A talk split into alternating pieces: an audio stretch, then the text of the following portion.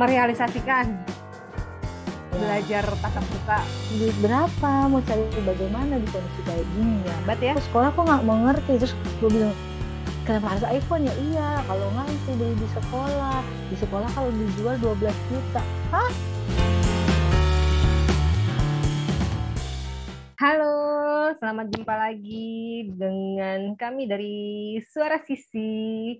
Udah lama nggak nongol. ya Tiba-tiba kita sekarang kembali dengan format yang berbeda. Iya nggak sih? betul betul betul akhirnya kami kembali dengan format nggak cuma podcast tapi YouTube juga Dua versi jadinya. betul betul Hmm. betul Oke. soalnya kan ya pandemi pandemi Iya, iya. Kenapa sih kita ngilang se- sekian lama? Ya ampun. Kita tau dicariin orang lagi. Ya gitu deh Eh, Iya. namanya juga pandemi ya Demi membuat segalanya menjadi sulit. sulit bertemu sulit bertemu. kemudian sulit karena kondisi ya kondisi kondisi fisik terutama Terus sekarang kita eh, mau ngobrolin apa nih hari ini? kan selama pandemi banyak hal yang terjadi yang Hmm. menyedihkan tapi sekaligus juga memberi ide-ide baru sih Betul. termasuk ini konten Termasuk yang ini. bisa nongol di YouTube ini iya. Termasuk tapi mikirin yang paling gimana. berat sih pasti kalau aku ya paling berat ya ketika anak harus belajar di rumah Iya, iya sih. Mungkin bukan cuma kita berdua ya, bahkan orang tua yang baru yang pada akhirnya eh, ngeh, gila ternyata ngajarin anak susah, Bo. kalau belajar di rumah selama ini cuma bikin PR aja kita bisa bertanduk. Apalagi ini ya, seharian belajar di rumah. Seharian belajar di rumah. Nah, pengalaman lu gimana? Seharian. Si anak Pertama sih belajar. membimbing awal-awal. Awal. Cuma bertahan sebulan pertama. selanjutnya Bulan berikutnya saya darah tinggi. dia berharap PJJ segera berakhir. banget. Bahkan sempat bilang kalau boleh dia ke sekolah aja. nggak apa-apa dia belajar sendiri tapi di sekolah. Begitu menakutkannya, Mama. Tapi tenang-tenang. Kita nggak sendiri kayak gitu kok. Enggak. Ada 56 juta siswa loh. Dan ingat nggak sih waktu awal-awal banget, awal-awal banget mulai PJJ, Hmm. itu di sosial media banyak banget ibu-ibu yang pada ngeluh, pada ini, pada itu. Mereka pada akhirnya nyad, bukan nyadar, mereka pada akhirnya ngerasain ngajarin anak. Terus ngeluh. Waktu itu sih gue sempat ngomong gini, ya kan lu baru sekarang ya, apa kabar guru-guru yang sekian tahun ngajarin anak lu gitu. Bedanya adalah kalau menurut aku ya, kalau Hmm. guru ngajarin anak satu kelas misalnya taruhlah 30 murid ya. Mhm. Nah, dia kan tidak fokus menghadapi satu doang nih. Betul. Dalam arti ketika lu jadi orang tua di rumah anak satu doang ya kayak Mm-mm. gue. Hmm. Eh, itu kan lu memperhatikan dia ya ampun dia ngobrol ya ampun dia nggak fokus ya ampun dia nggak merhatiin ya ampun dia kok nggak ngerti-ngerti gitu ya kan langsung Tanduknya naik. ya, tanduknya pelan-pelan naik. Iya, pelan-pelan tumbuh bertumbuh. Itu kalau di sekolah kan guru dia mengajar ya mungkin dia punya ilmu ilmu pendidik ya sebagai Hmm. pendidik. Jadi dia sudah paham oh ini batasnya ini ba- sebenarnya kan kalau orang tua kan mungkin tidak punya ilmu itu ya sebagian Betul. besar Iya, gitu. iya, itu. belum kendala loh kendala lain ya. Misalnya internetnya bapuk. Tiba-tiba putus gitu. Apalagi sekolah anak gue ya yang Hmm. pagi udah absen. Hmm. absennya pakai video call. Mhm. belum kemudian habis itu gurunya masuk ngajar. Mhm. ngajar pakai tanya-tanya. Tiba-tiba eh, gitu. Gue bilang kok freeze ya? Gitu gurunya. Iya mama. Internetnya mati. Oke. Itu belum kuota dong seharian loh. Kalau anak gue dari jam setengah delapan sampai jam tiga kadang.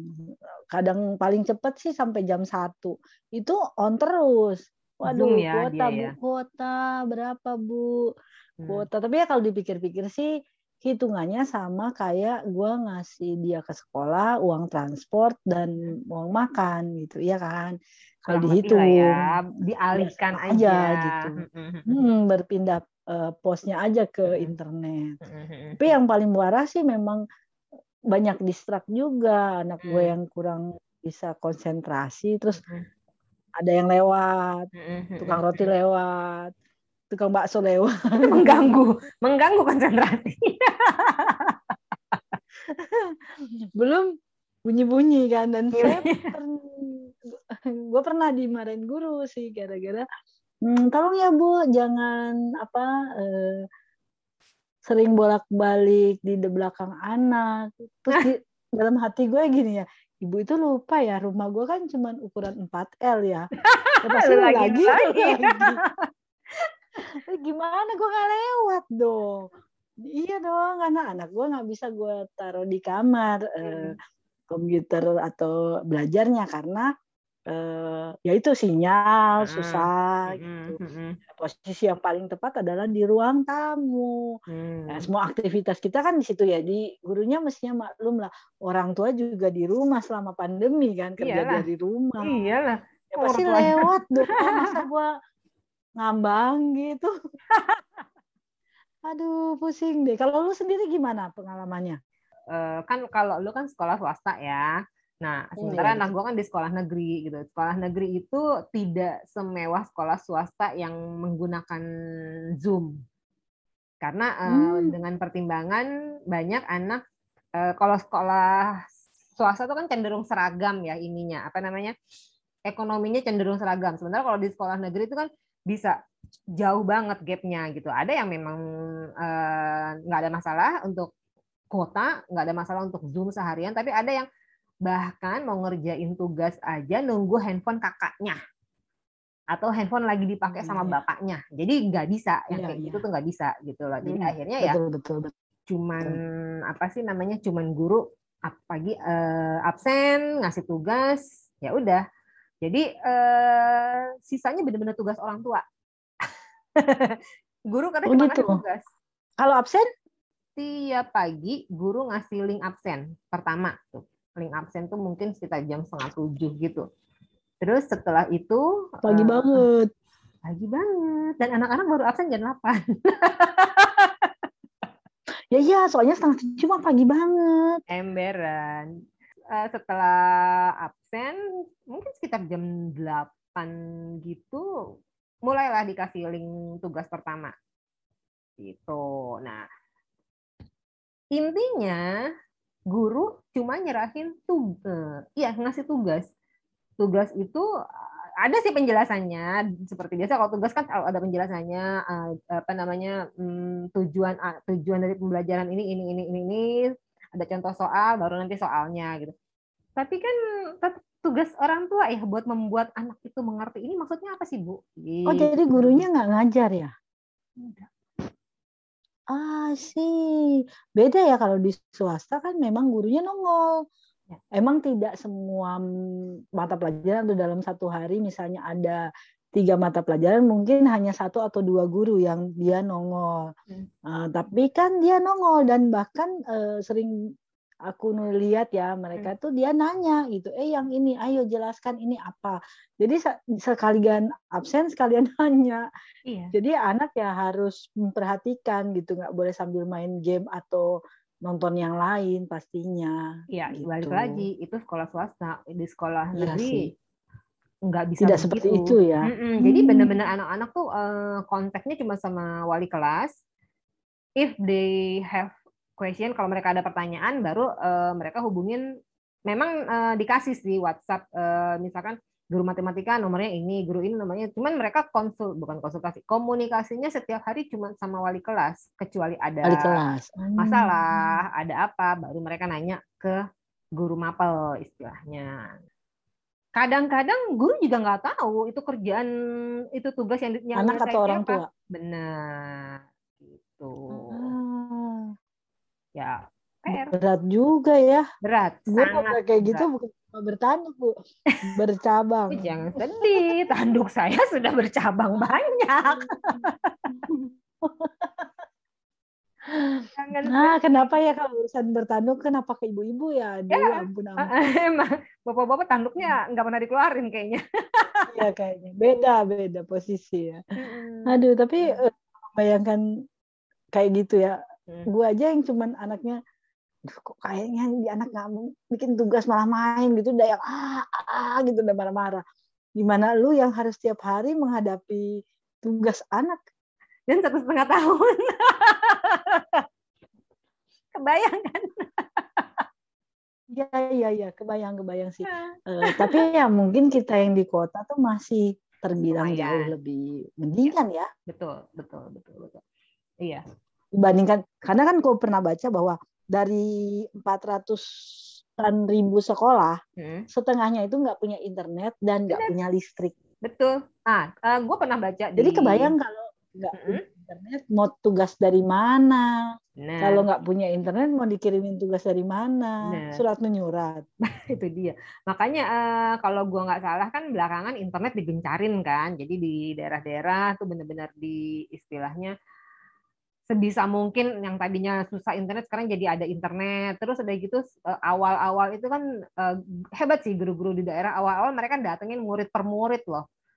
Satu-satu Iya, didatengin. iya, Iya benar, kan? benar, benar. Gu- Bener-bener luar biasa sih memang guru-guru di daerah gitu loh. Jadi udah Iya, karena kan ya kalau nggak terjangkau internet ya dia mau kirim pakai apa walaupun Iya. gurunya punya internet, kalau muridnya nggak punya mm-mm, mau pakai telepati. Iya kan? mm-mm. Apalagi kita negara kepulauan yang memang ya berat lah gitu. Kalau di pulau-pulau itu gimana? Gue pernah ke Labuan Bajo aja melihat anak sekolah berangkat dari satu pulau ke pulau yang lain nyebrang gitu pakai kapal. Terus kalau misalnya hujan atau badai, mereka nggak bisa ke sekolah karena arus, kapalnya nggak nyampe. Hmm. Bagaimana? Nah, Gim- kapal itu nggak kondisi normal. nyampe gimana sih? tugas? Itu kondisi normal. Iya kan? Itu kondisi normal. Apa kabar sekarang? normal, apalagi yang kayak sekarang yang nggak normal. Hmm, Aduh. hmm. Ya, Ada makanya kita sih. jauh lebih better lah. Kita mungkin mengeluh, tapi Ya. ya bandingin yang kayak gitu sih, gue membayangkan lebih berat lagi gitu. Iya nggak sih? Benar. Gue juga dari awal udah ngeri banget kita akan punya lost lost generation.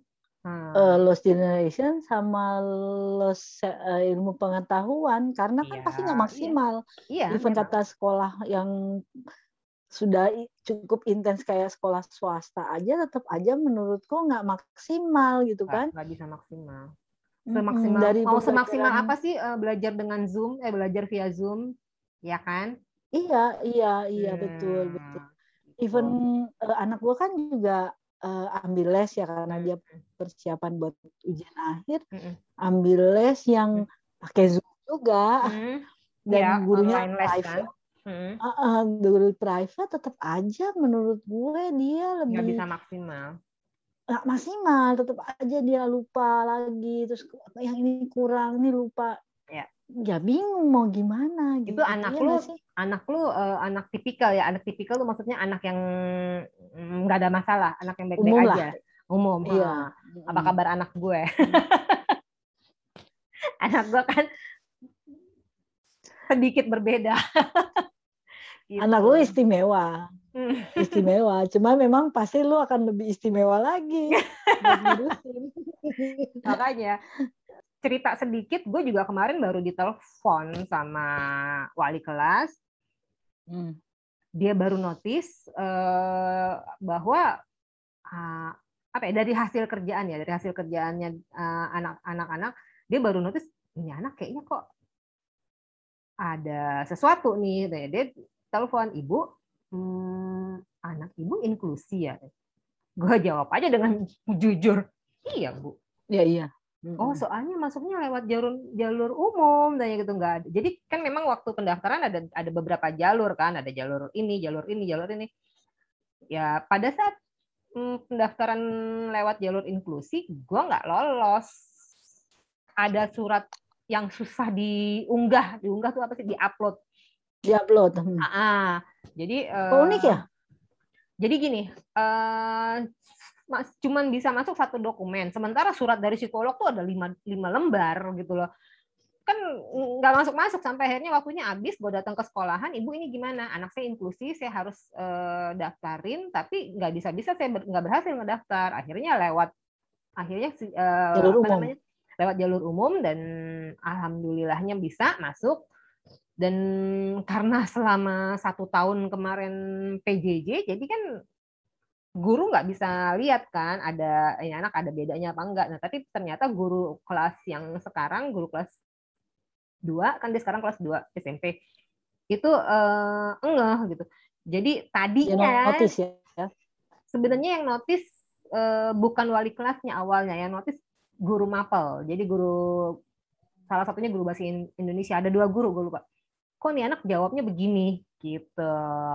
Nggak nyambung ya salah satu masalah anak gue kan disleksia kan ya, ya. disleksia kan baca susah bahasa Indonesia kan baca iya ya, pasti bencana kalau kalau bencana kalau bahasa Indonesia hmm. makanya ya maksudnya ya karena guru belum lihat ya dia belum tahu masalahnya di mana tapi ya itu masalah apa namanya eh, itu masalah gue jadi ya ya dengan kondisi seperti itulah gitu yang harus gue hadapin di rumah untungnya sih gue udah bertahun-tahun ya uh, menghadapi ya menghadapi ini, ini. Hmm. Cuman kan hmm. benar-benar yang gue sendiri yang harus handle ya baru sekarang kalau biasanya kan ada bantuan kan iya betul uh, betul dengan dengan pandemi kan lu nggak mungkin juga manggil ya, guru itu ke rumah masa guru dipanggil ke rumah kan gitu iya iya dengan gitu. kondisi kayak gini nah, terus solusinya jadi gimana ketika guru dia menghubungi lu itu ini kalau ngomongin inklusi panjang ya, gue cuma cerita sedikit aja. Jadi kemarin itu kita dapat yeah. kesimpulan yeah. bahwa dua tahun, hampir dua tahun PJJ ini, belum dua tahun ya, tapi hampir dua tahun PJJ ini, itu menurunkan. Jadi eh, gue dan tim ya, gue dan psikolog dan terapis itu udah berusaha selama 9 tahun sejak dia umur 6 tahun. Yeah. Selama 9 tahun tuh kita berusaha ngisi dia. Jadi selama ini tuh dia dengan kondisinya dia nggak pernah nggak pernah kita kelompok kita masukin ke kelompok anak yang nggak bisa istilahnya. Gue nggak mau anak gue di, di, di, ditaruh di level yang itu. Jadi kita berusaha supaya dia ada terus di posisi normal. Tapi gara-gara PJJ ini turun dong, Bo. Jadi kerja keras kita Apanya? agak Apanya yang turun nih maksudnya? Nilainya atau bukan, apa? Bukan nilai, uh, kemampuannya dia. Ah. Karena dia nggak dapat stimulasi dari sekolah kan. Kalau misalkan di sekolah Iya, kan iya dia tidak berinteraksi juga. Bener. Jadi kalaupun ada masalah, tapi dengan dia duduk di sekolah, dia dengar gurunya ngomong, tuh sedikit-sedikit ada yang masuk. Tapi ini kan enggak. Even Zoom pun enggak. Iya betul betul. Cuma dikasih tugas, ya. dikasih tugas, dikasih tugas. Tugas kan bisa bisa uh -uh. nyari di Google. Iya. iya. Itu ya kalau dia sama terapisnya uh, ngerjain soal lewat uh, video call atau zoom dia ngerti. Karena ada interaksi kan ada interaksi walaupun iya lewat anak yang normal aja kalau nggak ada interaksi kayaknya bencana deh. Nah, apalagi yang apalagi ini. dalam posisi uh, inklusi gitu mm -hmm, iya. mm -hmm. makanya nah, terus akhirnya gimana dong lu harus menghadapi itu? Uh, bukan bertanduk lagi sih. Tanduknya udah karu-karuan. Kalau menurut gue ya jangan bertanduk lah. Kalau ada gue ya lu maklumi lah. Ada, ada saat. Uh, jadi gini, balik lagi uh, karena kita semua gue psikolog dan terapisnya itu berkeyakinan bahwa anak ini mampu, cuman perlu dorongan yang lebih kuat dibanding anak-anak yeah. yang lain, dibanding hmm. anak normal pada umumnya gitu dia cuma perlu perlu dorongan dukungan yang lebih kuat. Jadi kadang-kadang eh, eh, kadang-kadang nih yang di rumah yang yang di rumah kan gue kan yang yeah. terapis dan psikolognya dari jauh kan ngedorongnya. Jadi yeah. ngedorongnya yang kadang-kadang ngedorongnya paling kencang ya gue sendiri gitu loh. Iya iya iya. Gitu. ya berat juga sih karena kan kalau dorong sendiri ya berat. Benar. Iya iya. Makanya ya, memang Ya, ya makanya sih, kita bersyukur sih Pak Menterinya kan juga memahami hal ini. Jadi ketika ujian akhir kemarin juga tidak full tidak full apa uh, kurikulum benar-benar diterapkan Iya. ya. Iya kan dia Seperti kemarin itu kebayang. Kemarin juga kan dia menetapkan nggak ada anak yang boleh di- tidak dinaikkan kelas kan. Semua Iya, naik iya kelas. itu Ya, itu makanya mm, agak aneh di tempatnya adik gue di Mhm. Jawa Timur sana mm, mm. ada anak yang tidak naik kelas. How come kelas? kan peraturan peraturan peraturan pemerintah kan nggak boleh Iya, gitu di masa kayak gini ya kayak gini dan SMP makanya menyedihkan Kok boleh? itu Kok bisa sih? dia negara sendiri apa ya Presidennya beda ya? ya bupatinya kan baru ditangkap Oke deh. gitu baru ditangkap kok iya baru habis ditangkap suami istri jadi ya gue langsung mikir oh iya beda negara emang Iya susah, beda Gitu. negara iya. Ya, makanya kita berharap sih eh, pandemi ini kan segera berakhir ya, walaupun mungkin agak sedikit panjang, tapi semakin menurunnya kasus kan, terus sekolah mulai buka perlahan-lahan ya kita berharap ya, berharap ini segera berlalu lah gitu. Tadi sih Ya gue sempat ngintip. asalkan, asalkan ya orang-orang tetap taat sama Saat, prokes. iya. Tadi gue ngintip Terus ngintip ya- ngintip Instagramnya Mas Menteri Nadiem. Mas Menteri hmm, Ah, dia kan eh, visit ya, visit di beberapa sekolah yang sudah mulai tatap muka. buka. Ah, ah, Hmm. ah, ah, yang baru paling 30% itu. Hmm. eh, dia nerangin ke anak-anak bahwa ya sabar, kita masih akan seperti ini dalam waktu lim- lima tahun, tiga tahun lagi paling enggak. Ya kan targetnya pandemi lima tahun kan. Nah, cuman. Mm, mm, mm. Nah, eh, cuman ya kita mulai mulai mulai praktekin tatap muka gitu loh dengan kondisi yang kayak begini gitu. Iya. Ya mudah-mudahan Even kata pun seminggu hanya dua kali, tiga, tiga kali atau Mm-mm. dua kali pertemuan bagiku sudah kayak oase banget, Banget, gitu terutama banget banget. buat anak-anak ya gue kebayang nggak gue punya tetangga tetangga persis deket banget gitu punya anak kecil masih TK Hmm. anak TK belajar dari Zoom lu dapat apa kira-kira Oh itu kena itu kejadian sama pon- ponakan gue. yang ada handphone dibanting Jadi dia pakai laptopnya kakak gue, laptopnya neneknya. Terus Hmm. kali waktu itu laptop eh, bermasalah, diminta tolonglah ke gue gitu loh. Eh, udah udah apa namanya udah dibenerin sama orangnya, terus laptop ada di tangan gue. Gue bilang ini laptop bersih banget ya, gue bilang bersih dalam tanda kutip. Neneknya nggak ngerti. Hah, masa ya bersih ya laptopnya? Kagak ngerti ini orang sarkasme gue bilang. Laptop isinya lengket-lengket semua gini ngapain gue bilang. Oh, pas kan pasti sambil makan iya sambil minum tidur. susu, sambil sambil minum segala macam ada di susu. depan laptop. dan itu sangat menyedihkan gitu Iya. anak kecil seumuran itu kan yang dibutuhkan adalah Main. teman bermain Tuh, iya. tapi dia bermainnya sama HP iya. dan yang Iya. menyedihkan banyak sekolah sekolah yang memanfaatkan kondisi ini untuk mencari keuntungan Maksudnya? Eh, suamiku punya sepupu di Jogja Hmm. dia anaknya berhasil masuk SMP negeri salah satu SMP negeri lah di di Jogja di daerah Bantul kalau nggak salah Oke. syaratnya dia nilainya lulus tapi Hmm. syaratnya dia harus punya iPhone 4 iPhone.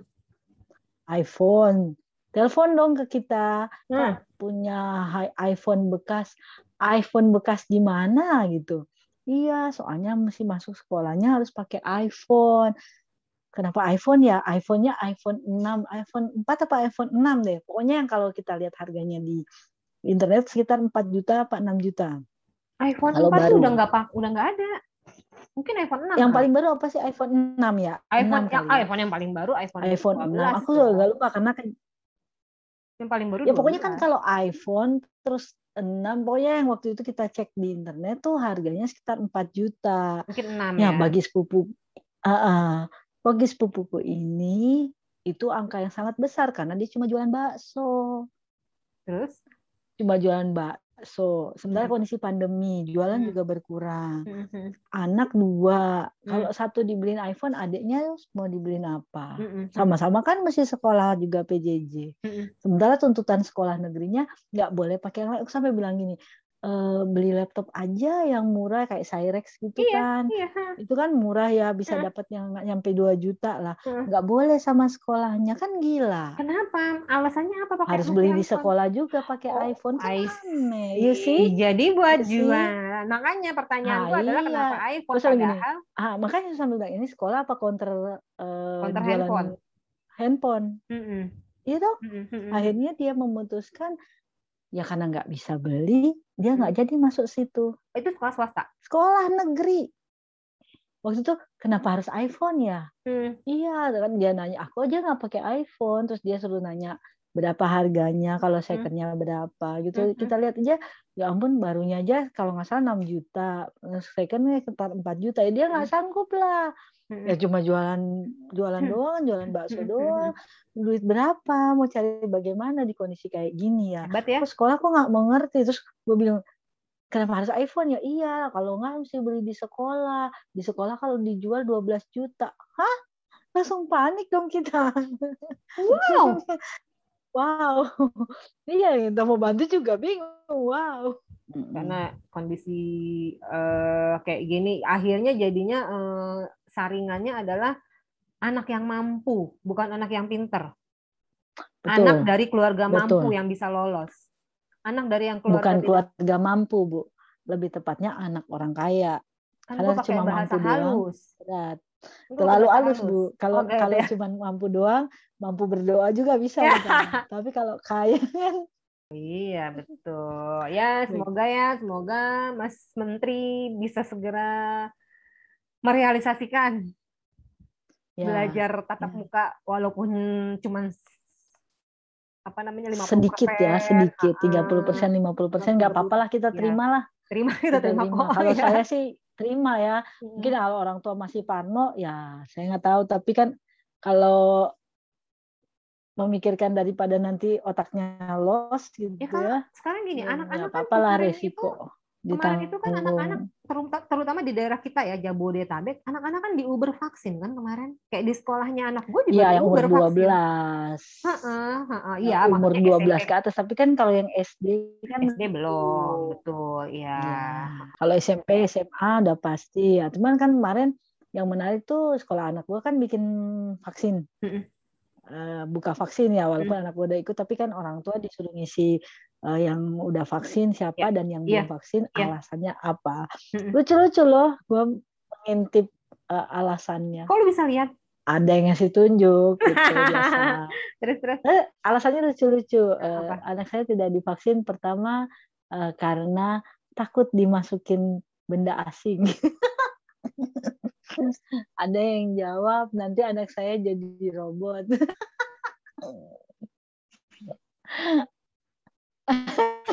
lu speechless lah. Iya. gue langsung bingung mau ngomong apa. Ya gitu. Jadi gini sebenarnya kenapa gue bisa tahu karena di grup orang tua ada yang buka pertanyaan terbuka. Gimana oh. pendapat ibu-ibu hmm. uh, jika uh, sekolah tatap muka akan dibuka? Terus yang yang lain tidak menjawab tapi yang kayak gitu menjawab ya soal uh, lebih baik sih tatap muka segera atau ada yang tapi syaratnya sudah harus vaksin. Karena aku udah SMA ya. Vaksin gitu. Ya, terus ya jawab oh anak saya tidak divaksin. Ya itu tadi alasannya yang tadi dimasukin benda asing terus nanti dihipnotis jadi robot. Uh, ada yang alasannya uh, belum dapat vaksin. Oke. Okay ya gitulah ya sudahlah ya, memang ini jadi pandemi sepertinya menjadi proses seleksi ya Iya. Seleksi mana yang mana yang sehat. mana bukan cuma masalah sehat, tapi mana yang bijak dan uh, kurang. Susah. Mana yang mana yang sehat ininya maksudnya. Itu lu yang bilang gua enggak. gue juga bilang saya engkle aja. kurang ya, nah, kurang kita melantur ke mana-mana iya. ya sudah, kita tutup saja. ya udah, tunggu ya. Pasti semua juga yang uh, sedang mendengar kita juga punya harapan yang sama ya. Pandemi akan segera berakhir pasti, pasti. dan ya sekolah segera dibuka gitu buat yang punya anak biar bisa menemukan kembali dunianya. Oke? Okay? okay. Sampai ketemu lagi. Sampai sini dulu ya. Oke, Hmm, dah. dah. Thank you. Dah.